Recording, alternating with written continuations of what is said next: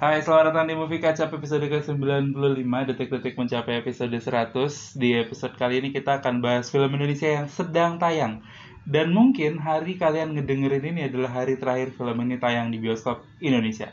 Karena memang filmnya sepi, tapi filmnya bagus Jadi aku memutuskan untuk mendedikasikan episode 95 Movie Catch Up ini untuk film Kembang Api.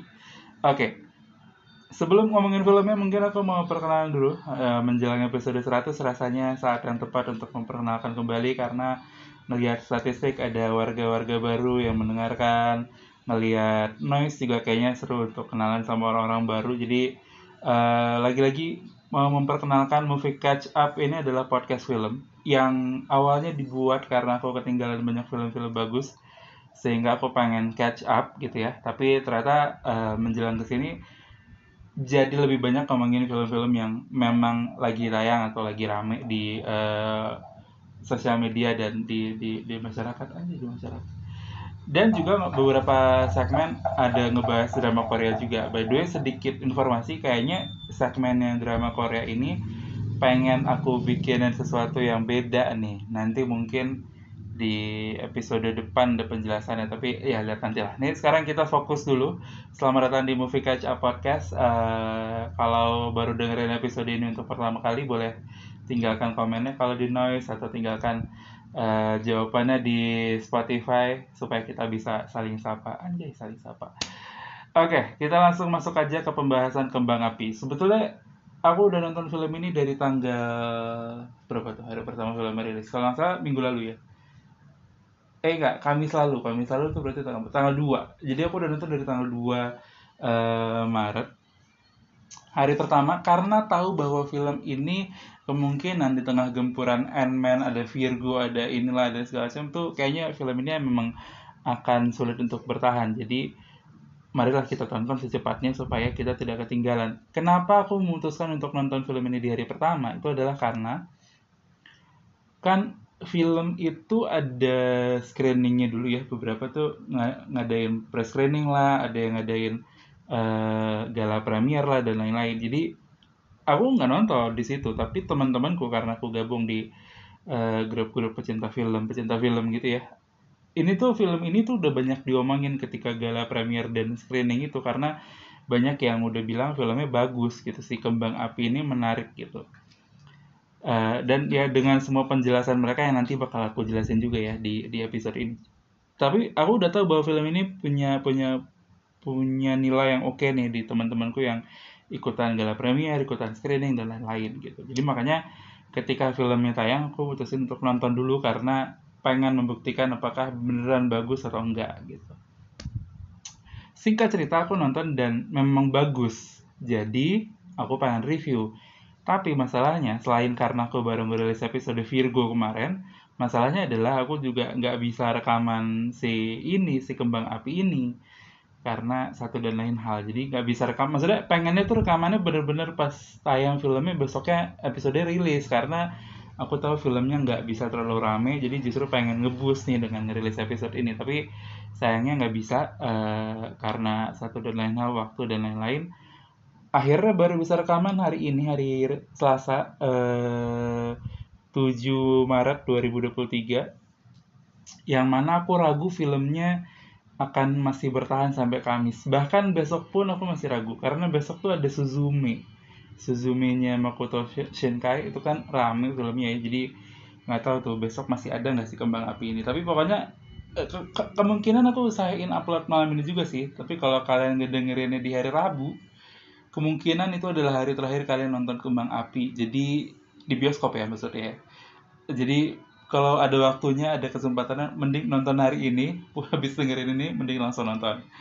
Karena nggak tahu nih. Dan dan satu hal lagi sebetulnya yang agak agak kacau gak kacau sih maksudnya agak agak bikin galau dari si Falcon. Karena kan ini produksinya Falcon ya Falcon Pictures yang yang agak bikin galau dari Falcon Pictures ini adalah akhir-akhir ini rilisannya mereka bahkan dari 2022 tuh nggak banyak yang rilis di OTT kayaknya agak bermasalah. Agak aneh sebetulnya karena berpikir mereka kan punya klik film tapi mungkin di klik film juga nggak 100% Falcon atau gimana ya kata juga. Uh, gak, gak banyak filmnya yang rilis di OTT ada banyak yang ditunggu-tunggu kayak My Sassy Girl dan lain-lain. Itu uh, Miracle in Cell juga belum ada. Cuma cuma satu cuma Cinta Subuh yang tayang akhirnya di Disney Plus kalau nggak salah. Tapi yang lain tuh belum ada. Makanya kalau kelewatan si kembang api ini aku ragu dia mungkin akan tayang dalam tiga bulan ke depan. Mungkin lebih lama dari itu. Tapi nggak tahu ya. Siapa tahu urusan yang Falcon udah oke okay sama internalnya bisa tayang di platform lebih cepat sih lebih baik. Nah kenapa filmnya menarik? Jadi ini kan aku nonton akhirnya aku mau nge-review. Jadi karena aku pengen masih masih pengen masih berharap bahwa abis dengerin ini pada nonton filmnya aku mau reviewnya non spoiler sama seperti Virgo. Karena Virgo pun begitu aku merasa filmnya oke okay, filmnya harusnya punya punya penonton yang lebih banyak dari 42 ribu. Aduh galau bener ya film tapi ya iya harusnya harusnya filmnya punya aduh harusnya 100 ribu sih lebih ini sih Virgo dan Kembang Api. Tapi jadi ya udahlah mari kita review filmnya non spoiler lebih ke meyakinkan convincing aja convincing. Uh, gini sih benerin posisi duduk. Jadi yang menarik dari si kembang api ini eh, ini dulu deh sinopsis dulu. Jadi sinopsisnya uh, adalah bercerita tentang by the way ini episode trigger warning ya teman-teman karena uh, si filmnya sendiri ngomongin soal bunuh diri. Jadi filmnya bercerita tentang empat orang yang sebelumnya tidak saling kenal, belum pernah berjumpa, hanya berjumpa di sebuah forum, memutuskan untuk bertemu untuk pertama kali dan bunuh diri bersama. Uh, mereka bunuh diri menggunakan sebuah bola kembang api besar. Oke, okay, dari situ kita sudah tahu ini trigger trigger mungkin akan trigger. Jadi mohon teman-teman yang mungkin memang ada uh, pernah mengalami hal-hal yang seperti ini aku sih menyarankan teman-teman untuk mendengarkan dengan uh, clear gitu ya. Ya takutnya takutnya jadi mengarah ke sana. Makanya aku kasih trigger warning dulu. Karena filmnya setahu gue nggak naruh itu di di materi promo di awal film. Kayaknya nggak naruh itu. Sementara aku ngerasa penting untuk naruh ini bahkan di episode review ini. Jadi uh, untuk teman-teman yang mungkin pernah terlibat atau terpikir untuk melakukan bunuh diri mungkin nggak perlu dengerin episode yang satu ini. Atau mendengarkan episode ini dengan full feel. Apa sih? Full feel apa? Ya apa gitu sih. Maksudnya supaya kita sama-sama aman nih teman-teman Oke okay, ya, jadi aku udah taruh trigger warningnya di depan, mari kita bahas. Uh, kenapa menurutku filmnya bagus? Kalau dilihat dari uh, sinopsisnya gitu, dari premisnya, kan ini uh, kesannya akan jadi film yang gelap ya, dark gitu kayak uh, penuh tangis, mental illness ngomongin mental health, uh, mungkin akan tear jerking gitu kayak maksa meras tangis kita terus-terusan gitu. Bahkan wah kita habis nonton film ini akan penuh dengan tisu apa segala macam di di mata dan lain-lain gitu. Jadi um, berasanya kan kayak begitu ya kalau lihat dari sinopsisnya. Tapi ternyata enggak. Filmnya menawarkan sesuatu yang berbeda menurutku itu poin aja tuh poin itu aja tuh udah menarik gitu. Poin bahwa filmnya tidak mencoba untuk menarik kita dalam gelombang tangis yang makin diperbesar menuju ending makin di bukan di hiperbola ya di di over gitu di, diperbesar diperbesar diperbesar. Sampai akhirnya tangis besar di ending tuh film ini enggak bayangin kalau misalnya Miracle in Cell Number Seven kan gitu tuh kayak sama-sama Falcon tapi yang ini beda. Dan sama-sama adaptasi juga berdua jadi yang ini tuh beda lah gayanya. Nah, ngomongin soal adaptasi, film ini sebetulnya adalah adaptasi dari uh, sebuah film Jepang berjudul Three Balls and Souls. Ya, yeah. bola berukuran tiga kaki dan jiwa-jiwa, gitu ya kayaknya. Pengertiannya. Jadi ini uh, dan aku belum nonton versi versi aslinya. Ini, tapi ini adaptasi dan versi adaptasinya Falcon hampir selalu di handle oleh Mas Alim Studio congrats dan respect Mas Alim Studio selalu keren. Um, jadi ini versi adaptasi. Kalau kalau dibilang apakah mungkin versi adaptasinya terjerker atau enggak nggak tahu juga ya.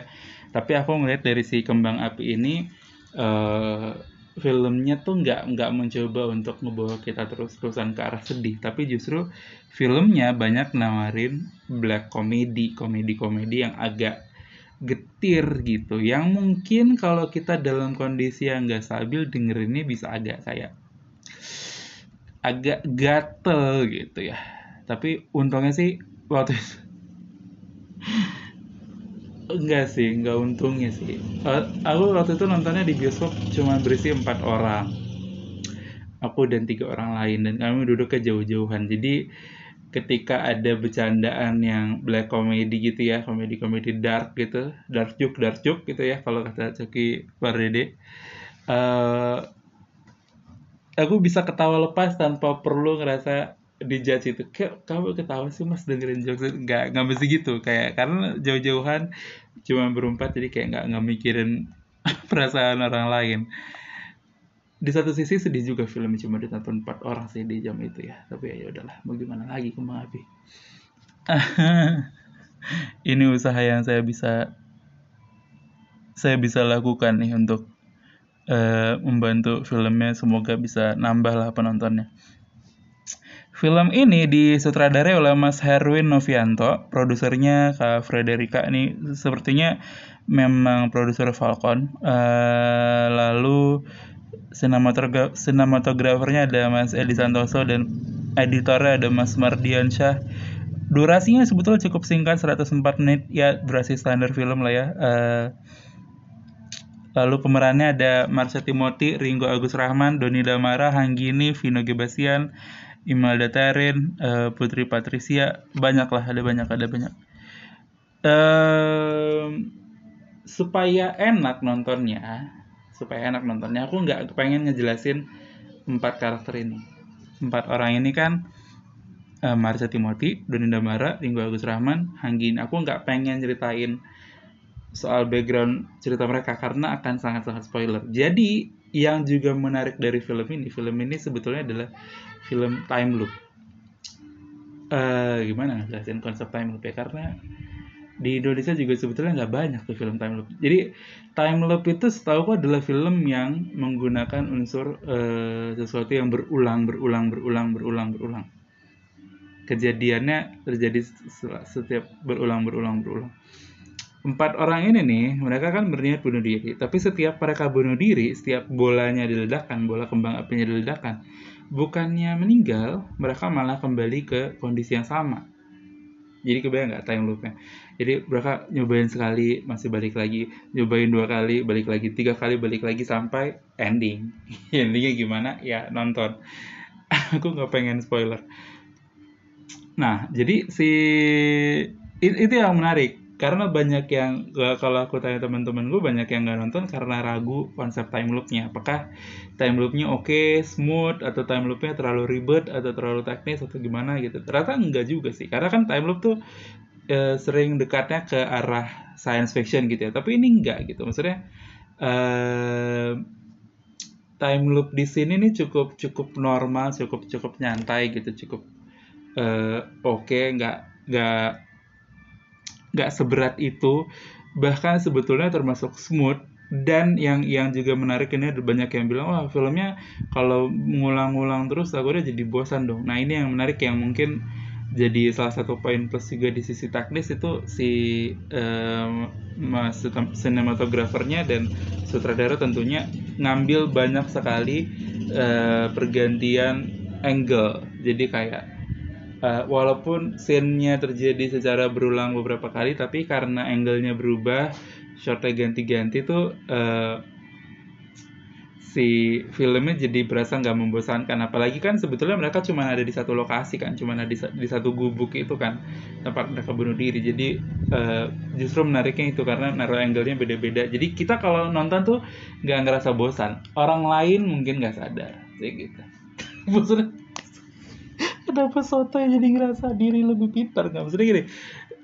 Kalau aku sih awalnya gak sadar. Maksudnya wah keren ya. Maksudnya itu tuh bukan sesuatu yang bikin orang sadar wah filmnya tidak membosankan. Tapi karena aku sedikit sedikit sedikit sekali kecil sekali kecil kecil nihil gitu ya ilmunya 0,05% jadi aku kayak ngeh gitu di tengah film oh kayaknya nih variasi angle dan shot yang banyak ini di setiap adegan ini memang tujuannya untuk itu untuk bikin orang dapetin yang baru lagi yang baru lagi yang baru lagi gitu. Dan uh, itu yang poin menarik dari si kembang api jadi bayangin dia film yang ngomongin soal mental health bunuh diri tapi tidak mencoba untuk menarik tangis sebanyak-banyaknya secara over drama.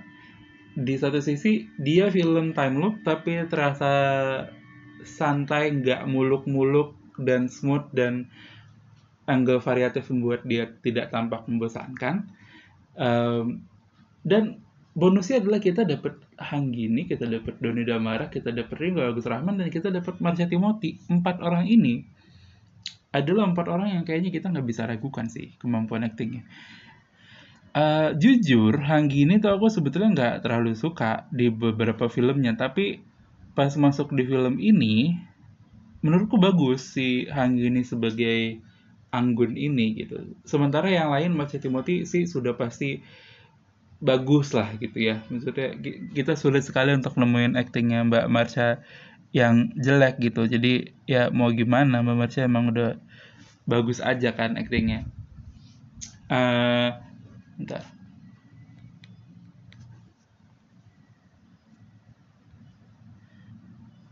nah jadi?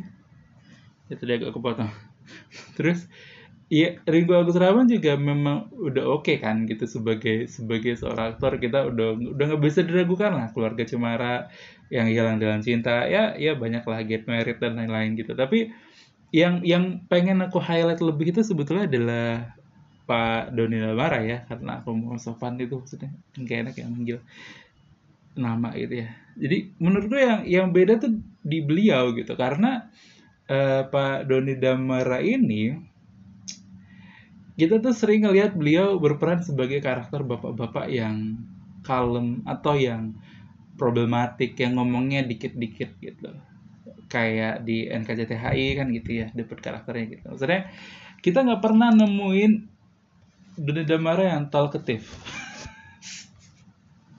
Sementara di Kembang Api ini beliau nih bermain sebagai poros utama cerita tanpa bermaksud spoiler kenapa beliau jadi poros utama cerita tapi um, beliau yang ngebawa ceritanya nih si si Pak Doni Damara ini. Jadi mau nggak mau karena filmnya juga time loop dan memang banyak dialognya beliau yang ngebawa cerita itu. Dan dan eh, kita aku nggak pernah sih nonton film beliau yang beliau sebegitu talkative yang ngomong panjang lebar apa segala macam dan actingnya tetap oke okay, gitu. Jadi dari empat aktor ini empat-empatnya menurutku masuk dan oke-oke semua ya. terlebih Marsha Timothy ya di bagian-bagian yang memang ada nggak nggak nggak terus jadi nggak ada tangisannya. Ada juga cuman di aku sih nggak nggak ada yang nangis kejer ya. Adalah nangis tipis-tipis di pelipis mata sih ada lah tipis-tipis.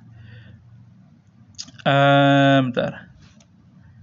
Nah jadi bayangin tadi filmnya ngomongin mental health tapi justru banyak bermain di uh, black comedy tapi masih tetap sopan gitu tidak tidak terasa keluar jalur penulisannya. Terus uh, ini adalah time loop yang nyantai yang smooth yang gak maksa yang gak muluk-muluk di satu sisi kita punya aktor yang bagus-bagus apalagi yang mesti diragukan dari kembang api ini jadi uh, episode ini pengen ngomongin itu aja sih apakah uh, filmnya sempurna? Enggak juga. Aku pengen bahas sedikit kekurangannya supaya enggak berasa ini ya rugi pas sudah nonton. Ah ternyata begini. Enggak juga sih. Aku tetap pengen ngasih kekurangannya juga. Beberapa aja yang, yang mungkin masih aku ingat itu karena nontonnya udah cukup lama ya. Uh, pertama adalah endingnya. Endingnya sih nggak jelek ya tapi endingnya sih khas film Indonesia sekali gitu. Maksudnya uh, nah begini oke okay, begini close. Oke okay, yuk gitu. gimana penjelasannya? Kenapa gitu? Gitu gak jadi endingnya tuh gaya khas film Indonesia yang memang oh ya begini penonton Indonesia sukanya ending yang begini gitu banyak yang bilang ending versi Jepang itu beda jauh lebih apa ya edgy gitu. Jadi ya mungkin itu bisa dijadikan kekurangan tapi di satu sisi ya menyenangkan aja sih endingnya. Tapi endingnya bisa dibilang agak ketebak. Tapi siapa yang nonton film untuk nebak endingnya kan? Sih gitu.